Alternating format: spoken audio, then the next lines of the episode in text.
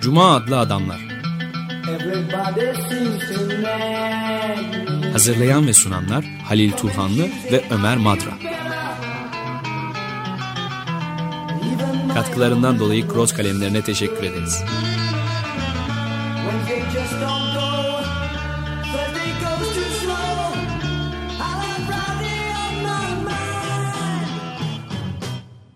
Merhaba Halil, hoş geldin. Teşekkürler. Cuma adlı adamlarda kendisinden çok sık sık söz ettiğimiz yayınlanmış her kitabında gündemimize aldığımız bir düşünür var. E, Jacques Rancière. Yani tarihin Atları adlı bir kitabı çevrildi bir kısa bir süre önce. Ee, biz de bir kez daha onu analım.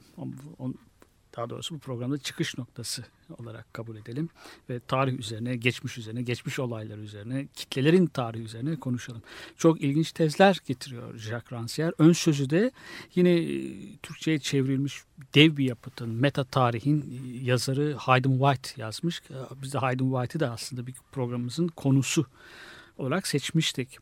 E, tarih hem nasıl hikaye anlatır ya da daha doğrusu hikaye, öykü anlatmaktan vazgeçmek sizin nasıl bilim haline gelebilir? E, cevaplamaya çalıştığı sorulardan bir tanesi bu. E, bu açıdan e, hem klasik tarihçilere yani diplomatların, devlet temsilcilerinin e, mektuplarına, anılarına dayanarak, bu tür belgelere dayanarak yapılan klasik tarihin e, kayıtlara geçmiş, bunları çok nesnel olayların anlatıcısı kayıtlar olarak kabul eden e, klasik tarih anlayışına hem de ona e, tepki olarak gelişmiş olan anal okulunun tarihçilerine bir e, itiraz var. École des Annales e, tarihçilerine. Onların da tarih disiplinini bilim haline getirirken öyküden vazgeçtiklerini söylüyor. İstatistiklerden fazla faydalanıyorlar, coğrafyadan faydalanıyorlar, belirli bir medeniyet alanını, örneğin Akdeniz'i anlatırken ama burada da bir insan öznesi yok. Yani öykü, Ruhunu kaybediyorlar. Evet. yani. Yani siyasi tarihçi olarak belki yöntem olarak yenilikler getirmeye çalışıyorlar ve başarılı da oluyorlar belki. Ama bu arada tarih özelliğini kaybediyor bir disiplin olarak. Diğer başka disiplinlerin e, bir eklentisi haline geliyor. Tarihin hem ta- özel bir disiplin olması ama aynı zamanda da edebiyata da çok yakın olması gerekiyor. Çünkü 19. yüzyıl hem büyük tarihin yüzyıldır hem de büyük, e, Büyük edebiyatın edebiyatın evet. Edebiyat da gerçekçi edebiyat da son derece bilgi statüsüne sahiptir. Yani ondan da çok güzel şeyler öğrenebiliriz. Ama tarih, e, anal okulu tarihçileri tarihsel romana tepki olarak bir tarih anlatır. Hem klasik tarihe tepki hem de tarihsel romana tepki olarak tarih anlayışını e, e, yaklaşıyorlar. Tarihe böyle yaklaşıyorlar ve bu e, öykü anlatmaktan vazgeçince tarih e, diğer disiplinlerin bir eklentisi oluyor. Tarih aslında klasik tarihçilerde de klasik tarihte e, tarihi özel disiplin olmaktan çıkarıyorlar. Örneğin Hobbes tarihin siyaset biliminin bir parçası haline getirmeye çalışmıştır. E, Rancière'in iddiasına göre. Erkin tarihini yazmak yazılmasından yanadır. Er, kimin elindeyse tarihinde onun yazmasını ya da hep bir özel atlardan e, bahsederler. Yani Napolyon'dur, Şalman'dır. Evet Ama tabii. Analogu da bundan vazgeçmiyor. Yani ikinci Filip ve, ve Akdeniz dünyası. Bir özel isim orada zikrediyorlar. Oysa ki evet Napolyon büyük bir tarihsel kişiliktir ama Napolyon'un hayatı pek çok kitlenin kimsenin hayatına da dokunmuştur. Mahvettiği, savaşlara sürüklediği, açlıklarla boğuşmak zorunda bıraktığı yığınlar vardır. Tarihçi bu yığınların da e, ta- anlatmalı. Yani tarih geçmiş olayları anlatır, kayıtlara dayanır. Ama şunu da unutmamalı tarihçi. Kayıtlar sadece gerçekleri anlatmazlar. Bazı gerçekleri saklarlar da. Tarihçinin malzemesi bulunmuş, önünde bulunmuş bir şey değildir. Araştırılması gereken bir şeydir. Tarihçi o öznesini bulup çıkarmalıdır. Gün ışığına çıkarmalıdır. Bu bakımdan Jules Michelet'i çok yenilikçi bir tarihçi olarak görüyor. Ve henüz de aşılmamış bir tarihçi olarak görüyor. E, Tarihi hem edebiyata çok yaklaştırıyor. O yüklemsiz cümlelerle diyor. Fransız e, devrimin tarihini yazarken hem de kitleler çağının tarihçisi. Yani adsız kitleleri, adı olmayan kitleleri, yığınları e, evet vatandan söz ediyor. Fransız aşkından söz ediyor. Ama bir de tarihin öznesi olarak, kolektif öznesi olarak yığınlardan, halktan, milletten söz ediyor. Vatan sevgisinin yanı sıra. Bu tarihte değiş bir yenilik getirmiş olduğunu söylüyor. Bir cumhuriyetçi romantik paradigma. Ama tarihin kimlerin yaptığını da anla- anlatıyor. Fransız tarihinden söz ederken diyor ben okumadım mı kitabını e, Rancière bayramlardan söz eder diyor. Yani iktidarın boşaldığı yerde ideolojik boşluğun yerde bo- boşluğun olduğu yerde yeni bir şey doğuyor. Bir coşku, halkın coşkusu. Fransız devrimini bahs- bahsederken Bastille'in yıkılı- yıkıntılarından bahsetmiyor. Yani onu öne çıkarmıyor ya da giyotini öne çıkarmıyor ama halk bayramlarını nasıl coşkuyla e, insanların kutladıklarını, Fransız halkının kutladığını e, anlatıyor, mişleniyor. Bu bakımdan da onun tarihçiliği hem öykü anlatıyor bize hem de Hem de olayları, olguları da e, tarih olarak veriyor yani. bir bilim haline. Bilim, bilimsel. Yüklemsiz cümleler mesela öznelsiz cümle ama aynı zamanda zamansız bir cümle. Zaman kipi yok. Geçmişte olan bir olayın bugüne de getiriyor. Bugünün hakikati olduğunu da bize vurguluyor diyor Mişle için. Diye anaokulu tarihçilerinin e, bir şeyi var. Yani e, Mişle bizim babamızdır diye bir söz et, sözleri var. Ama ben bu babalıktan biraz kuşkuluyum demiş Rancière. Çünkü e, tarihi de öykü anlatmaktan vazgeçiyorsunuz. Yani insan öznesini dışta bırakıyorsunuz tar- tarihin. E, tarih, history. Öykü anlatmaktan vazgeçemez tarih. Bilim olma, öykü anlatması da tarihin bilim olmasına, bilim olarak e, kalmasına, varlığını korumasına, varlığını ilan etmesine bir engel teşkil etmez diyor. Çok e, önemli, önemli. Peki bir nefes alalım ve devam edeceğiz bu konuya tabii. Steve Wynn, That's Why I Wear Black.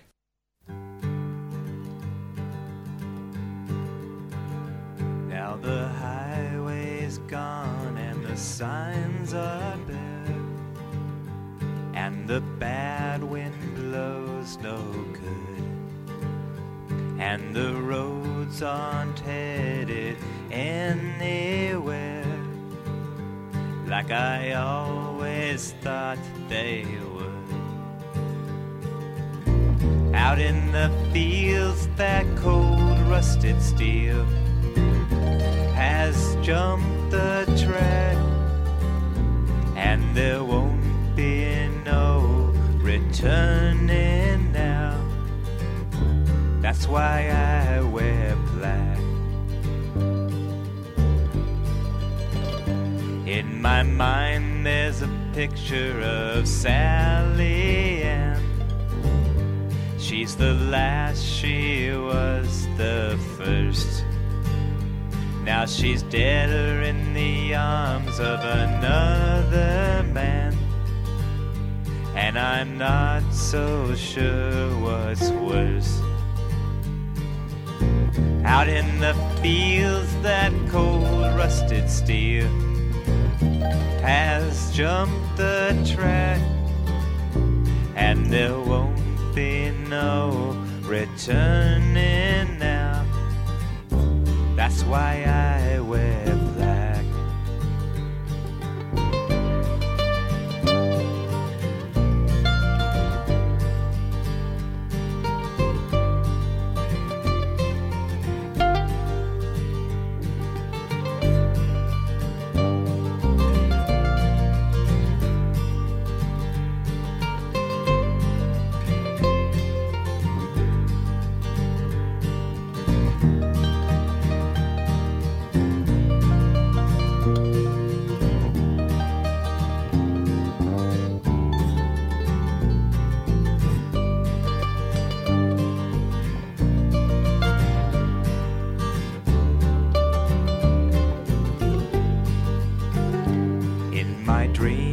there's a road that leads me home. In my dreams, I'm turning back. But my dreams, they fade and the chains remain. That's why I wear black.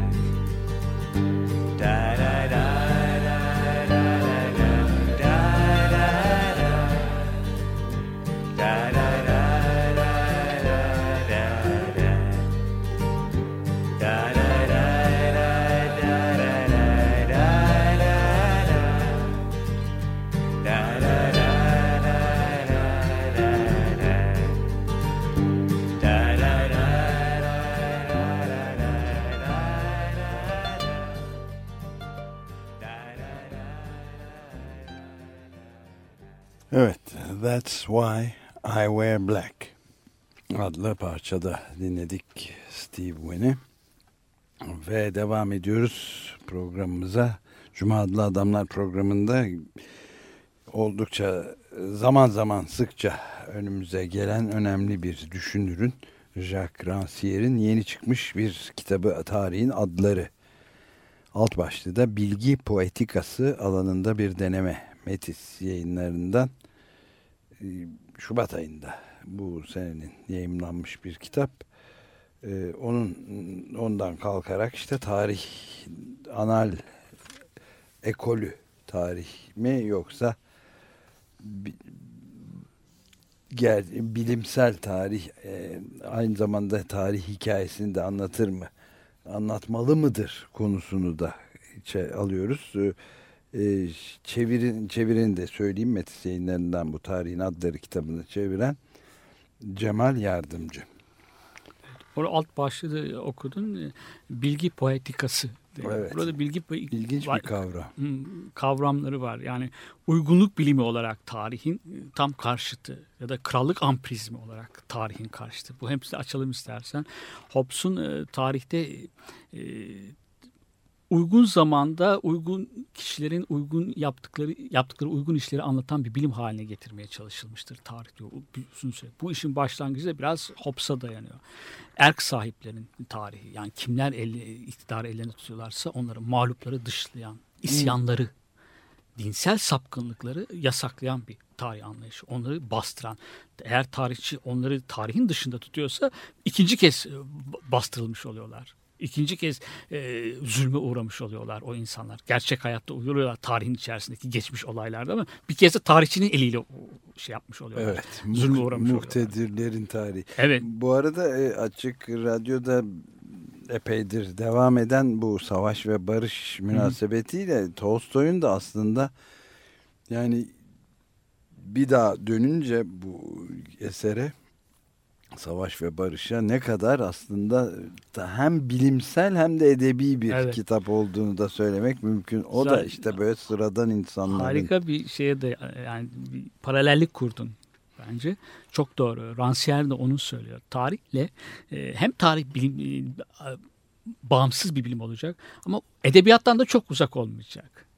E, Hatta edebiyat da- e, aynı şey edebiyat için de geçerli. Yani tarihe çok yakın e, edebiyat. Büyük edebiyat da öyle biraz. Birkaç e, belki bir hikaye oluyor. E, Georg Lukács'ın e, tarihi romanından da e, bahsetmiştik. Tarihsel romandan. Walter Scott'un yazdığı o Evet. şövalyelik öykülerinin Orta Çağ'da İskoç klanları hakkında bizlere çok iyi, mükemmel bilgiler verdiğini söylüyordu orada. E, doğru. Yani tarihçi çok yakın edebiyat. Bir de e, Michelin'in e, üslubunun e, daha sonraki deneyci edebiyata, Proust'a, James Joyce'a yakın olduğunu söylüyor. Demin verdiği örnek, benim de aktardığım örnekler. Yani yüklemsiz cümleler. Tarihçi bu kadar edebiyat yapmaz.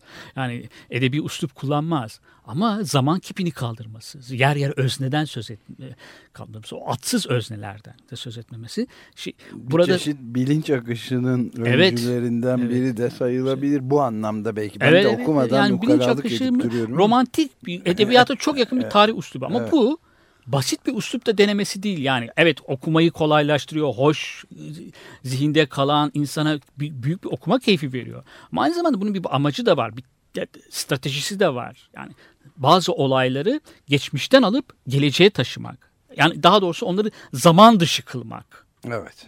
kitlelerin ayaklanmalarını, sahneye çıkmalarını. İşte diğer tarihçiler, 19. yüzyıldaki o tarihçiler, Hobbes'un ki tarihi siyaset biliminin bir parçası haline getirmiştir diyor. Hobbes için.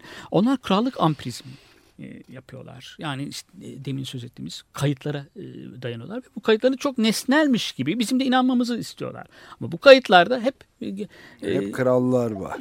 hep büyükler var, hep şeyler, bir isim özel atlarıyla, özel at zikretmeye, özel atlarla konuşmaya bayılıyorlar onlar. Evet. Krallar, Bir yandan da zi- isimsiz kitlelerden hiç böyle insanlar yaşamamışlar. Hiç onlar böyle isyanlar yapmamışlar gibi bundan bahse- bahsetmiyorlar. İşte diyor bu noktada tarihçinin çok önemli bir noktası e, görevi var. Bilgi poetikası o. bilgi politikası tarihçinin yapabil, yapması gereken sistematik bir araştırma. Edebiyatçı üslubunu e, kullanarak ama bilimsel bir araştırmada yapmak. Evet, Bu çok bilimsel- ilginç bir kavram bilgi poetikası. Evet. Yani şiirsel, edebi bir Hı.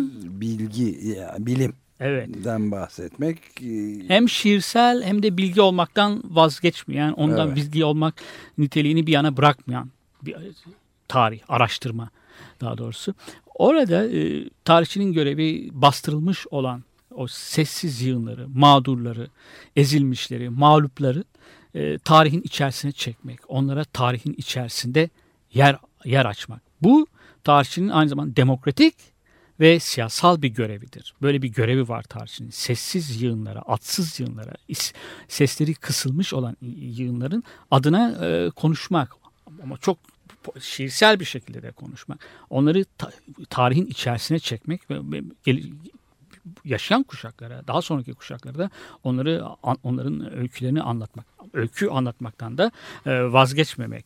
Burada e, dediğim gibi kurulu düzenin bir felsefecisi, kurulu düzenin tarihçisi olarak Hobbes'a karşı çıkıyor ama aynı zamanda da bu 19. yüzyıl tarihi anlayışına aşma iddiasında olan, tarihi de o bilim özel bir bilim haline getirdikleri getirme iddiasında olan e, anal ekolünün tarihçilerine de karşı çıkıyor. Onların da her ne kadar e, bilimsel olmak e, iki suçları var Rancière'e göre. Bir, öykü anlatmıyorlar artık. İnsan demin de sen de söyledin. İnsan ö- öznesi kalmıyor tarihte. Tarih istatistiklerin diliyle, e, sayıların diliyle tarih yazamazsınız diyor. Evet. Mişle'de bu yok. Mişle'de hep sımsıcak, romantik, coşku, vatandan bahsediyor. Doğru Fransa aşkı var ama e, bir de insan yığınları da yığınlardan da bahsediyor. O kitleler çağının tarihçisi. Tarihçisi, ne olursa evet. olsun, sonuçları ne olursa olsun. Demin verdiği örnekler, benim aktardığım örnekler. E, Giyotinden bahsetmiyor. Halkın bayramlarından bahsediyor. Cumhuriyeti kutlamalarından bahsediyor. Bu burada ideolojik boşluğun dolduğu olduğu yerde yapılan bir bayramı anlatıyor. Ama bu bayram devrime anlamını veren de bu. Bu boşluk diyor Rancière çok güzel bir e, değindiğini söylüyor Michelin'in aslında o bayramda. Bu boşluk demokratik politikanın yapıldığı yerdir aslında. Sadece bayramdan ibaret değil orada. Halkın demokratik e, taleplerinin dile getirildiği, politikanın da yapıldığı, kendileri için daha iyi bir hayat yapmak için mücadele ettikleri bir alan olduğunu söylüyor. Öncelikle kitleleri yok e, görünmez kılınan, sesleri bastırılan kitleleri öncelikle tarihin içerisine çekmek. Bu Evet. siyasal bir görev, aynı zamanda demokratik bir görev. Demokrasi, kitleler çağının e, tarihçisi, demokrasi çağının da tarihçisi bu anlamda Michelet. Evet yani bu m, insanda e, Mişle okuma ihtiyacı da uyandırıyor Evet doğrusu fazla ya. Fransız gibi geliyor ama ya, e, Yani hep biliriz adını. Evet, evet. Ben kendi payıma konuşayım gayet iyi biliriz. Ama hiç okumadım yani herhangi bir şey. Fransız devrimi tarihi Türkçe'ye çok uzun zaman olacak. Milli Eğitim Bakanlığı yayınlarından çevrildi sanıyorum. Emin değilim. Yani o Michelin beyaz mi? kitaplar çok emin değilim. Yani o, o dizi fena bir dizi değildi aslında Evet, zamanda. evet. Thomas Paine daha başkaları da İnsan vardı. Yani. hakları filan. Evet e, yani Çok emin değilim ama ben de okumadım. Ben de okumadım. Yani dolaylı olan şey de çok e, Hayden White da meta tarihte bahseder. Yani e, Ranke birçok birçok başka tarihçilerden de bahseder ama Michelet'e de özel bir yeri vardır o meta tarihte gerçekten. Evet ilginç yani.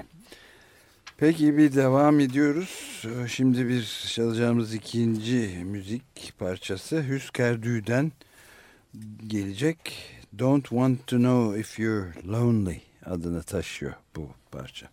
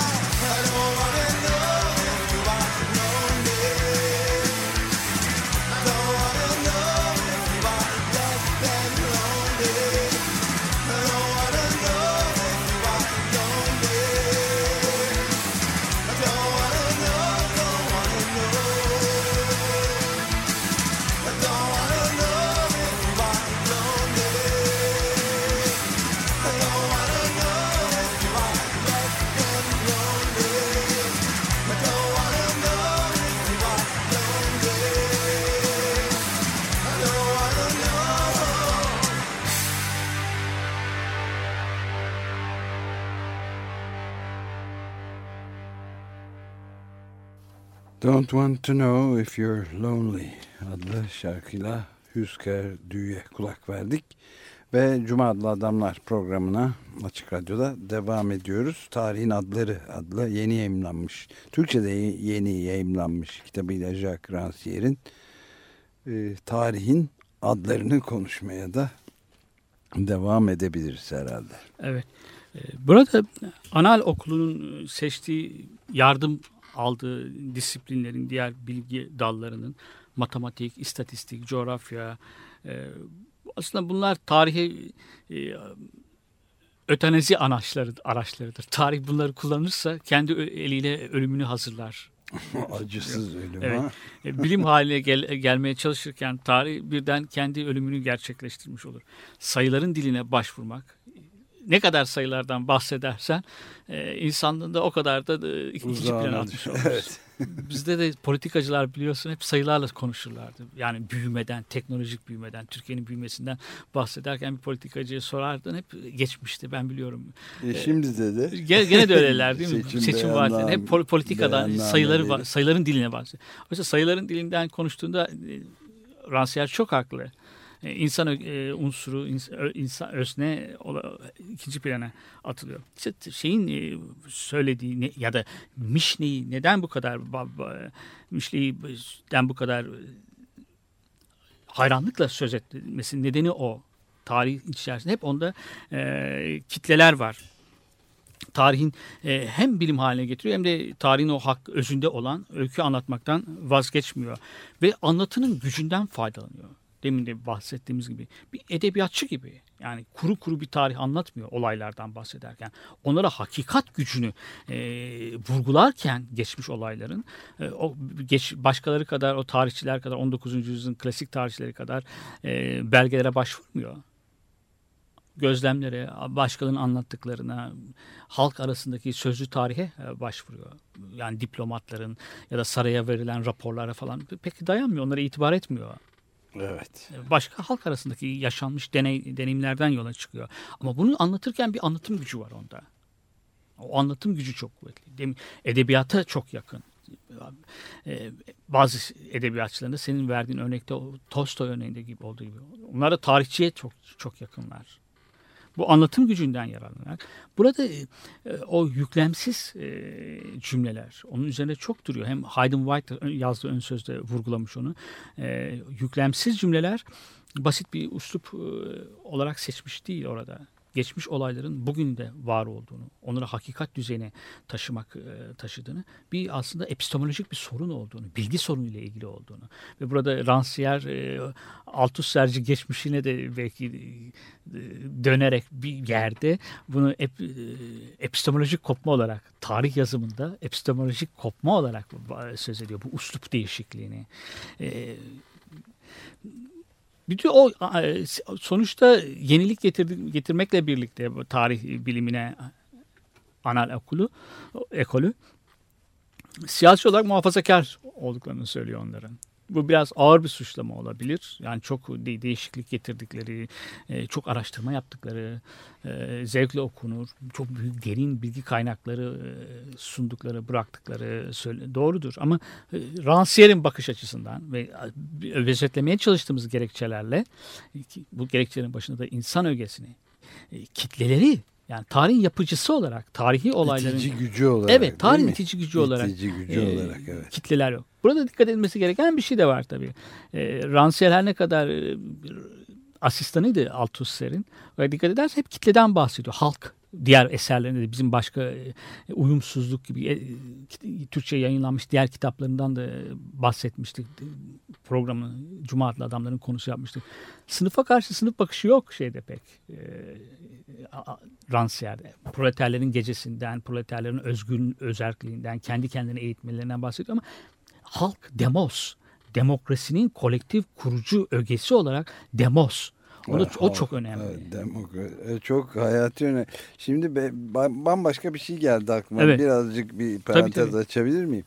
Şimdi şöyle de bir şey var. Ee, bu anal ekolü tarihçilerinin getirdikleri karşısında e, elbette onlara da ciddi bir saygı duymakla beraber Bu çok önemli bir e, metotla da ilgili bir problemi de aklıma getiriyor. Çünkü şimdi mesela Tunus'ta, Mısır'da ve işte Bahreyn'de ve Kuzey Afrika ülkelerinde hatta Amerika'ya da sıçradı işte Wisconsin'de sonuçları tartışılabilir geri dönüşler, yenilgiler vesaire. Fakat artık tarihçilerin o istatistiksel gözünden değil eldeki bu Twitter'larla, Facebook'la ve diğer e, yaygın televizyon gibi e, El Cezire televizyonu özellikle gibi e, televizyonların kullandığı araçların kullanımıyla tarihçilerin o şeysiz e, gazetelerin de bir kısmının gömdüğü aslında Evet, rakamlara medyanın da gömdüğü haber bile verme e, verirmiş gibi yapıp vermediği şeyini biz izleyebiliyoruz ve Evet. sanki Mişle'den okurmuşuz gibi Evet. de olabiliyor. Aynı duyguları görüyoruz çünkü yerlerde sürüklenen kitleleri ateş edilen o kadınların Evet. E, bayrak açmalarını mesela bir Twitter'da bir video yayınlayıp ondan sonra da peşinden kitleleri sürükleyerek ya da kendini yakan Tunus'taki işte Muhammed Buazizi adlı gencin bir meşaleye dönüşmesi yaktı bedenin. Bunlar e, okumadık maalesef. Okuma, ikimiz de okumamışız ama Mişle'ye daha yakın hissettiriyor okuduğumuz evet, bu tarih. e, Rancière'in tezlerini yani daha da güncel kılıyor da diyebiliriz Evet buradaki. aynen. Yani öyle bir hisse Hı. kapıldım yani. Şu soruyu sorabiliriz yani o söylediklerinden birkaç soru e, birkaç e, katmanlı. Bir tanesi Orta Doğu'da olmak süre gelen şu yakın geçmişte süre gelen devam ediyor aslında. Olayları, devrimleri anal okulunun yöntemleriyle, metotlarıyla pek açıklamak Hı, mümkün değil. Aynen, Yani aynen öyle. onlar Onu da orada demek- kifayetsiz kalıyorlar. Kelimenin en hafif değiş, deyimiyle, anlamıyla. O yöntemler, istatistiklerle değil. İkincisi e, bazı medya e, teknik araçların dedin e, daha istatistikten ya da başka disiplinlerden, matematikten, coğrafyadan daha şey olduğunu, e, etkili olduğunu geç, bu geçmiş açıklamada, anlamada bize daha aktarmada ya da gelecek kuşaklara daha etkili olduğunu söyledin. Orada da haklısın. Bu da bana da bir şey hatırlattı. Hayden White'ın bir yazısı vardır. Orada Kennedy suikastıyla ilgili o küçük filmin e, çok Evet. ta, yani geç şeyde de e, Los Angeles olaylarında da e, Rodney King. Rodney evet dövülmesi olayını o küçük kaydedilmiş birkaç dakikalık belki bir dakika Amatör evet. o olayın e, kaydedilmesinin bütün tarihsel belgelerden çok daha fazla e, olduğunu, tartışma yarattığını, olayı aydınlatmamakla birlikte bir belge olduğunu, yüz, aradan geçen onca zamana değin de tar- çözülememiş bir cinayetin tam olarak çözülen bir belgesi olduğunu söyler bize. Yani Çok önemli o ve ben yani biraz abartma pahasına şeyi de söyleyebilirim. Yani bilgi poetikası çok hoşuma da gidi giden bir yeni kullanım. Yani ben bilmiyordum. Benim için yeni. Ee, bu bazı şeylerde ifa, itiraf edeyim ki mesela o Mahfuz adlı e, genç hanımın e, Mısır'da Tahrir Meydanı'na ben gidiyorum vallahi isteyen gelir beni yalnız bırakan erkeklere de yuf olsun filan tarzında dile getirdiği şeyin de bu e, çok edebi bir yanı da olduğunu bir çok etkileyici zaten sonuç olarak da bayağı Esma Mahfuz'un yarattığı bir dalgadan da bahsetmemiz mümkün. Evet. Yani bu bilgi poetikasına belki biraz Evet. zorlama ama Yok, böyle değil. şeyler de düşünüyorum. değil yani. aslında yani Aydın White'ı da tezlerini haklı çıkaran senin de söylediklerini destekleyen o bir tane fotoğraf var mesela Mısırlı bir genç kızın e, askerlere fırlattığı taş Evet, evet. kimilerince hafif müstehcen de sayılabilecek belki ama hiç aslında müstehcenlikle falan ilgisi olmayan o resim. Ama uzun zaman sonra da o tahrir meydanıyla ilgili o olay, o resim anılarda, belleklerde kalacak. O imge. Evet. e, Bir genç kızın. O Mısır'dan da tek, yani bir Avrupa ülkesi de olabilir o. Tabii canım Yani yani, evrensel tamamen evet yani bir şey olağanüstü sadece bir. Mısır'la değil o Onu zamanı bir yazımda aşan- belirtmeye çalışmıştım ben de. Evet. kesinlikle e, Michelin'in o yön e, yüklemsiz cümlelerinde olduğu gibi o resimde. evet. Yani geçmişten geleceğe, e, bugüne, ge- geleceğe taşınan bir şey var orada. E, Yani 20. yüz 21. yüzyılın ilk çeyreğindeki olayları açıklarken, isyanları açıklarken belki hep o görüntü gelecek şeye. Böyle kalıcı bir imge oradaki. Aslında bütün zamanlar için geçerli. Yani e, Hobbes'un ve diğer e, e, tutucu siyasi muhafazakarların e, yasakladı, anlatılmasını yasakladıkları, bastırdıkları bir olayı anlatıyor. Çok evrensel bir olay ama. Erk karşısında, güç karşısındaki özgürlüğünü isteyen birey, e, kitleler daha doğrusu, kitlelerin adına bir adım öne çıkmış ve onlara karşı yürüyüşünü engelleyen, yürümesini engelleyen, özgürlüğünü engelleyen o güce karşı bir karşı bir direnişi var o. Bu evrensel bir imge. Evet. Yani tarihte isyanların ta- la ilgili isyanlar tarihi başka bir herhangi bir kitaba aç. Buna benzer dönemin özelliklerini taşıyan imgeler görebilirsin. Bu da öyle bir şey. Çok kalıcı bir imge. Yani o kı- kılık kıyafeti çok fazla Mısır'a, Orta Doğu'ya özgü olduğunu çok bakarsan bulabilirsin belki. Ona yani ama yok ama o evrensel, evrensel bir şey. Ev- Yani- evrensel ve ben işte yazıda evet, o blogda şey yaparken naçizane şeyi de söylemeye çalışmıştım. Yani e, yol gösteren özgürlük. e, o Delacroix'ın Evet, 1830'daki işte göğsü çıplak kadının bayrağı Fransız bayrağını dalgalandırmasını akla getirdi. Bir an Evet. içinde böyle bir o çiçekli pembe donu da sıyrılmış görünüyor. O olanca şiddetiyle Molotov kokteylini polislerin üzerine o polis ordusunun üzerine Hı hı. tek başına Evet, fırlatan genç kızın öyle bir özgürlük simgesi ve yerine taşınacaktır evet bence de senin Yani dediğin bilimsel tarih e, yazılırken sadece o eski kayıtlara da değil bunlar da artık tarihin kayıtları arasında e, sayılıyorlar. İmgeler, resimler. Hayden White'ın örneğini Evet. verdi. Bir iki dakikalık video çekimi. Amatör video çekimleri aslında onlar da. Ama tarih yazarken de üzerinde kesin, kesin bir şey söylemiyorlar. Ama tarih yazarken e, dikkate aldığın e, izle- defalarca izlediğin imgeler, üzerine defalarca, dakikalarca baktığın imgeler onlar. Evet. Bel, tarihi belge yani. Evet, e, devam bir parça daha dinleyelim. Jesus and Mary Chain'den bir parça dinliyoruz şu anda. Just Like Honey.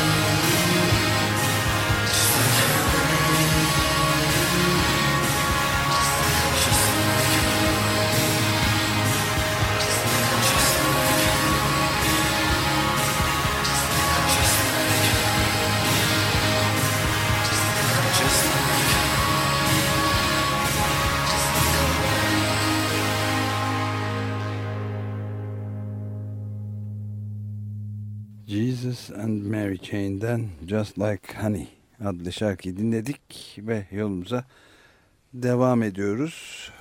Yolumuz tarih üzerinde. Tarihin Adları adlı kitaptan Metis yayınlarından yeni e, yayımlanmış Türkçesi. E, tarihin Adları e, ve Bilgi Poetikası alanında bir deneme başlıklı kitabı.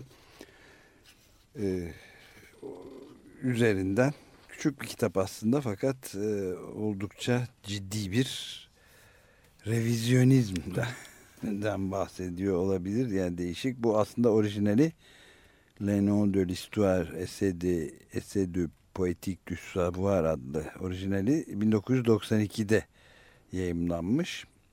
E, Metis yayımlarının bu 2011'de Şubat 2011'de Cemal Yardımcı'nın Türkçeleştirmesiyle çıkmış kitabından bahsederek bu konuları deşmeye çalışıyoruz biraz. Halil Turhanlı ile birlikte ben Deniz Ömer Madra. Evet, sen revizyonistlerden dedin, bahsediyordun. Doğru revizyonistlerden bahsediyor. Revizyonist tarihçilerden bahsediyor. Revizyonist tarihçilerden genellikle inkarcı anlamında bahsediyor, anlamına geliyor. Yani genellikle de Holocaust'u inkar eden Evet, tarihçiler. Holocaust olmamıştır. Hiç Evet olmamıştır. Şey. Vuku bulmamıştır böyle bir şey diyen tarihçiler. Ee, burada da aslında inkarcılığı ima etmek istiyor. İnkarcılık anlamında kullanıyor e, Rancière'de. Evet, revizyonistler. ama Türkiye'de de çok yaygınlıkla karşımızda olan bir olay bu revizyonizm. Yani Er- Çok, Ermeni çok. olayları için, Dersim olayları Resmi kurumlar için en başta onlar. hiçbir Galiba şey, Türk bunlar Tarih Kurumu- olmamıştır diyen insanlar. Evet. Türk Tarih Kurumu başta, Başta yani resmi, devletin e, devletten kaynaklanan bir şey. Devletin bakış açısından kaynaklanan bir Evet. şey. Revizyonist tarih.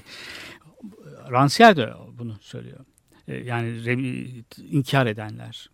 E, statükoyu tehdit edebilmiş olan, tehdit etmiş olan ins- e, kralların katletmiş, katliyle sonuçlanmış olan o bütün isyanları hiç vuku bulmamış gibi anlatmayan, yığınları tarihin dışına bırakan tarihçiler, tarih anlayışı, tarih yazımından söz ediyor. Revizyonistten bahsettiği bu.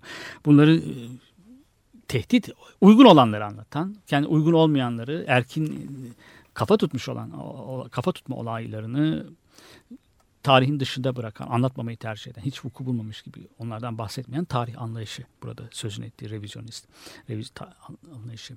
İşte tarihçinin ikili bir görevi var. Hem bilimsel olacak hem de bir siyasi görevi var. Bu olayları gün ışığına çıkartmak. Tarihçinin malzemesi bulunmuş bir malzeme değil. Önünde bulmaz onları. Tarihçi yani belgeleri oku. Ondan belge fetişizmi var bazılarında da. Şu şurada yazıyor, bu burada yazıyor. Bir belge bulmuş işte Atatürk'ün e, bir, bir şeysini çok ilginç bir şeymiş gibi onu önemli olabilir. Evet. evet. Ama tarihin kitlelerin yaptığına inanıyorsanız o zaman önemli değil. İşte burada e, Rancière'in söylediği ya da Michelet'i neden bu kadar e, yücelttiği, neden bu kadar aşılmamış bir tarihçi olarak görmesini gördüğünü anlıyoruz. Yani onu demokrasi çağının tarihçisi, kitleler çağının tarihçisi, kitlelerin tarihin öznesi olarak belirdikleri bir çağda onlara hak et, tarihin içerisinde hak ettikleri yeri veriyor. Böylelikle tarihçinin bir öre- görevini yerine getiriyor. Siyasi görevini yerine getiriyor. Tarihin içerisinde onlara e, yer açıyor. Orada hak ettikleri yeri veriyor onlara tarihin içerisinde e, Mişle. Aynı zamanda da bilimsel.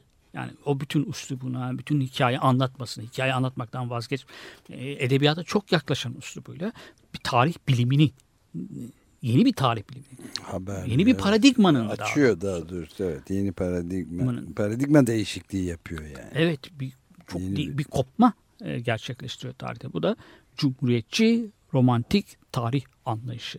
Bu tarih anlayışının aşılmış olduğunu söyleyenler olabilir. Yani romantik, ulusu, milleti, vatanı seven bir ulusu fazla idealize ediyor olabilir. Ama bu, bütün bunlara rağmen, bütün bunlara rağmen e, Mişle mo- modern tarihin karşı değil, ana, modern tarihin kurucularından bir tanesi olduğunu söylüyor Jacques Rancière. Bir tek nedeni var. Yani çok dayandığı neden bütün ulusçuluğa karşı kitlelerin tarihçisi.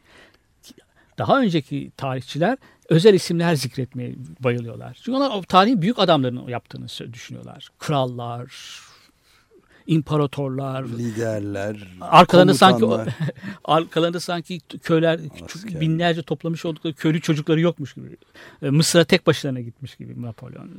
Sibirya'ya tek başına gitmiş gibi. Zaferlerini tek başına kazanmış gibi. Napolyonlar, Şalmanlar ne bileyim bütün krallar. Ta Osmanlı tarihi yazılırken de böyle. Evet, evet. hep böyle tarihçi. Kanuni hep tek başına gitmiş gibi.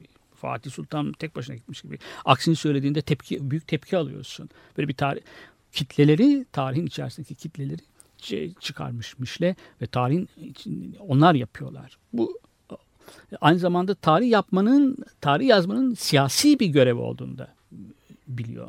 Onun bilinciyle yazmış bir tarihçidir diyor Mişle için.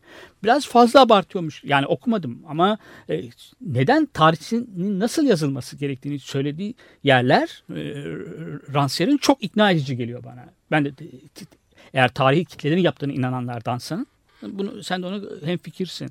Kitlere tarihin içerisinde hak ettikleri yeri vermesi. Evet e, bu di- dinleyici destek projesi sırasında özel yayını yaptığımızda e, destekçilerimizden Deniz Yaman vardı e, 12 yaşında. Öyle mi? Hani işte dersler nasıl filan diye sorduğumda şimdi söylediğinde aklıma geldi. Şey diyor çünkü e, ben matematiğim o kadar iyi değil ama işte tarih filan seviyorum. Peki nasıl tarih filan diye sorunca ya orada da problemler var dedi burada yayında. Her şeyi bütünüyle Türkler yapmış gibi anlatıyorlar dedi ve bu çok beni rahatsız ediyor filan dedi. E, ve resmi tarih Evet, anlayışına karşı olduğunu buradan dile getirdi 12 yaşındaki bir Evet. deniz. Şimdi bu Rancière Hı. Tarzı yaklaşım bunu bu şekilde ele alması çok e, onun hoşuna gidecektir Deniz Yaman'ın herhalde. Evet eğer dinle, dinliyorsa. Dinliyorsa. Şimdi e, bir özneyi buluyor. Yani tarihin içerisinde bir özneyi bulmak, araştırmak, bilgi politikası o. Sistematik bir araştırma içerisinde. Tarih e, öznesini bulmak. Bu özne kolektif özne. De- Demokratik oluşumlara karşı tarihçinin bir görevi vardır diyor Rancière.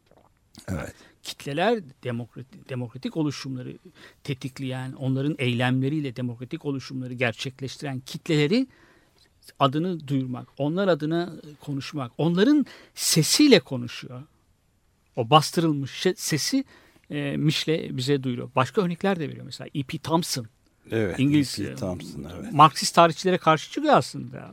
Bilimsel tarih yapmak adına hikaye anlatmaktan vazgeçtikleri için anal okulu yönelttikleri, yönelttiği eleştiriler onları hiç de yöneltiyor. Marksist tarihçilere de yöneltiyor. Tarihsel materyalizmi çok Evet. böyle istatistiksel bir şeye indirgemek gibi herhalde değil mi? Ama e, Howard Zinn'i ne diyor? Hauser'le bahsetmiyor. Yani tek tek isimler var. E.P. Thompson'dan bahsediyor mesela. İngiliz.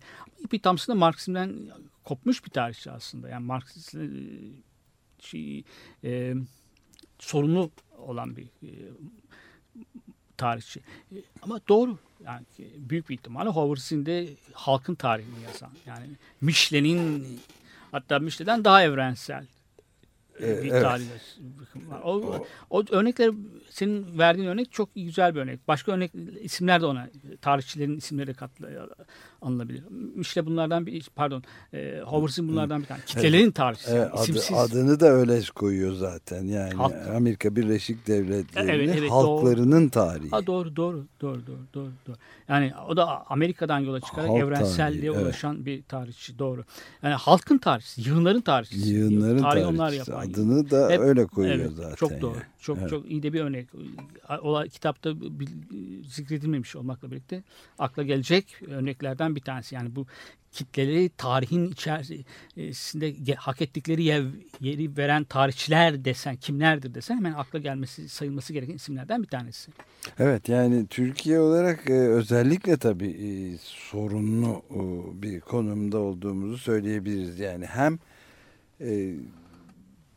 doğrudan doğruya Türkler açısından işte o genç dinleyicimizin söylediği gibi yani başka hiçbir açıya yer vermeyen bir etnik grubun e, önceliğinde bir tarih anlayışı olduğu gibi bir de tarihi bir bireylerin komutanların yapması işte önce Osmanlı imparatorlarının işte senin de örneğini verdiğin Fatih Sultan Mehmet ya da Kanuni Sultan Süleyman Yavuz Sultan Selim gibilerin ya da daha sonraki modern tarihte de işte Atatürk'e bütün Evet. her şeyi tümüyle onun göz, bir tek insanın yani Atatürk'ün yaptıklarını asla küçümsemek için söylemiyorum bunu şüphesiz ama yani sadece onun da hiçbir kitlelerin rolü yokmuş gibi sunulması da böyle bir anlayış da var Ee, O Türkiye'de. da, o da şöyle diyelim istersen. Yani doğru mudur bilmiyorum. Ben tarihçi değilim.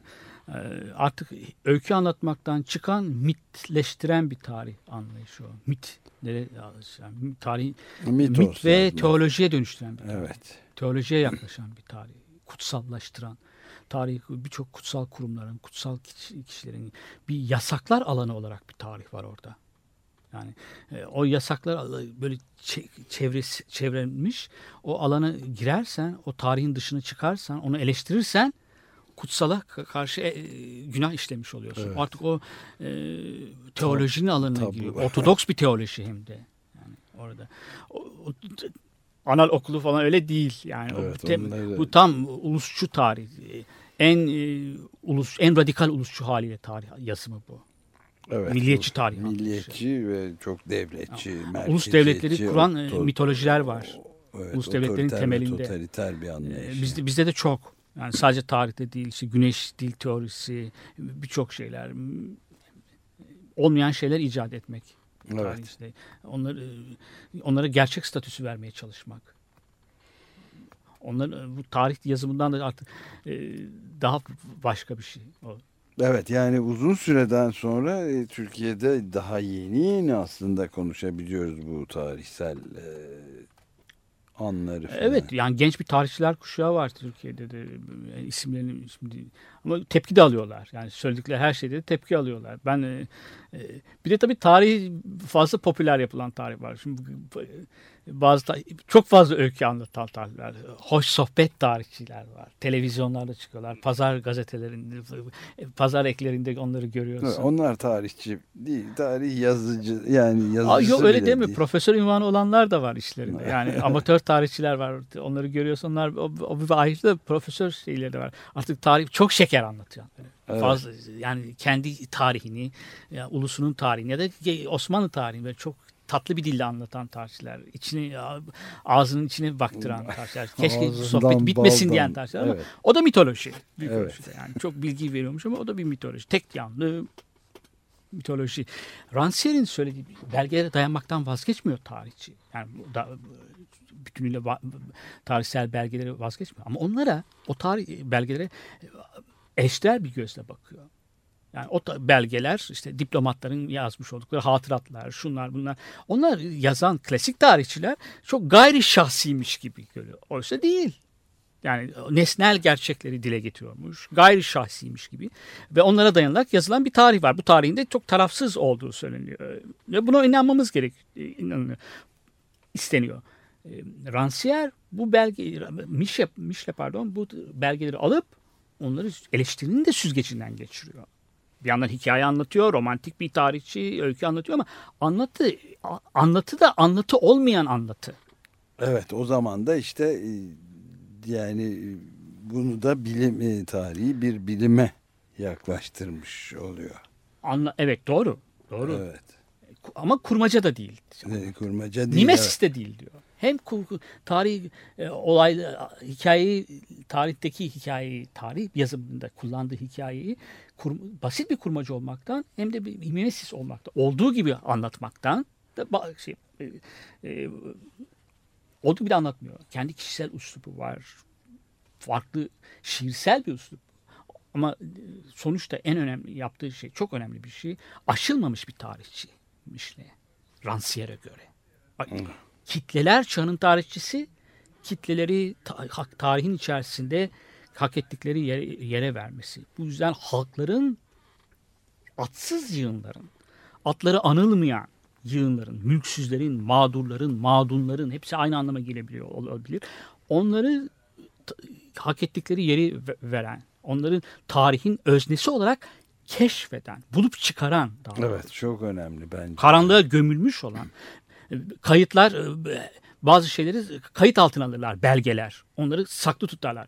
Bazı belgeler de e, gizli tutarlar, gizlerler. Gün ışığına çıkmasını önlerler. İşte Mişle'nin okuması böyle. onları gizlenmiş olanları okuyor ve gün ışığına çıkartıyor. Aşılmamış olması nedeni de o. Evet. e, Benim aklıma şey de geldi bu bu yani zamanımız bitti aslında ama yani Bartolome de las Casas'ın mesela şeyden yazdığı da 500 yıl önce Öyle- yazdığı Cizvit Mektuplar, mektuplar da aslında güncelerde var elbette. Onlar Güncelerde da var. apayrı bir tartışma e, yaratabilir. O Günün erk birinde ele- sahibinin ama şey değil, e, günce- erk sahibinin metni olarak adlandırılamaz herhalde. Hayır tam tersine Evet. işte belki de anladığımız bütün o 500 yıllık sonradan tekrarlanacak olan emperyal tarihin batının bu Evet. sömürgeciliğin ve soykırımın ilk başladığı tarihin de ilk bakan üyesi buna karşı kitlelerin gözünden oradaki yerlilerin gözünden filan da görebilen üstelik de bir papaz olarak orada misyoner olarak bulunduğu halde. Evet. İlginç yani. Bir şey daha ben de ekleyeyim istersen bitim, bit- bitsin. Ee, yani tarihi roman sayılmayan romanlarda da tarih bilgisi verebilir bize ya da ta- tarihi geçmişi anlamamıza yol açabilir ve kendi toplumların içinde yaşadıkları topluma eleştirel bakan romancıların. Joseph Conrad aklıma geliyor. Evet mesela. aynen. Kongo'daki o e, emperyalizmin ön- övgüsü değildir o. Emperyalizmi anlamak, eleştirmek için bir Çok şeydir. önemli Karanlığın evet yüreği karanlığın yüreği. bir tarihçi, bir romancının tarihe yapabileceği önemli katkılardan bir tanesidir. Pek çok başka örnekler akla gelebilir. Ama büyük romancılar tarihe de yakın e, örnekler, eserler vermişler. Evet bu son olarak belki Galeano'yu bile Evet, Eduardo Galeano'yu bile bu ikisinin arasında duran yani Evet. hem tarihçi biraz hem edebiyatçı ikisi Güney Amerika e, evet. romancıları Carlos Fuentes başka Evet, da onlar çok sayabiliriz evet ilginç yani. Octavia Paz'ın denemeleri tarih içine girebilir belki denemeleri. Evet yani bu çok engin bir konu. Evet. Ee, günün birinde tekrar E, tabii. dönme umudu. Bir de tabii şu var. Bitti ama Rancière'in çok bakış açısı çok geniş. İmgeler üzerine ama filozof da budur tabii Evet, zaten. aynen böyle. e, imgeler üzerine, sinema üzerine, Godard sineması üzerine de müthiş bir yetkinlikle yazabiliyor. Mişle üzerine de müthiş bir yetkinlik. Evet, derin yani hayranlık verici. kavrayışını insanı zorlayan, anlamakta bir güçlük çekiyorsun. Evet bitirirken bu şekilde bugün de bitiriyoruz. Bitirirken Flesh Eaters'dan bir parça seçtik. Daha doğrusu Halil seçmiş. Crucified Lovers adlı parçayla da sona eriyor programımız. Hepinize günaydın.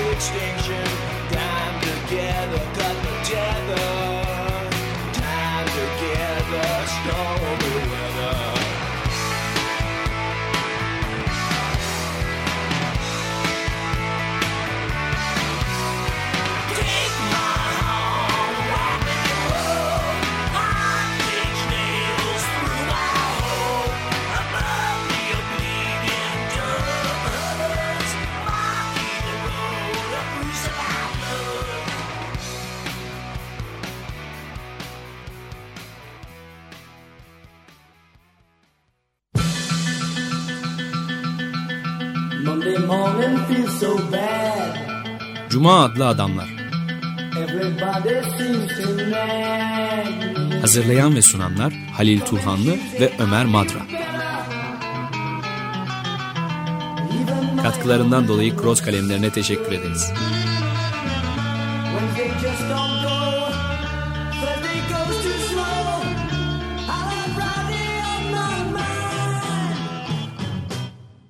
Açık Radyo program destekçisi olun. Bir veya daha fazla programa destek olmak için 212 alan koduyla 343 41 41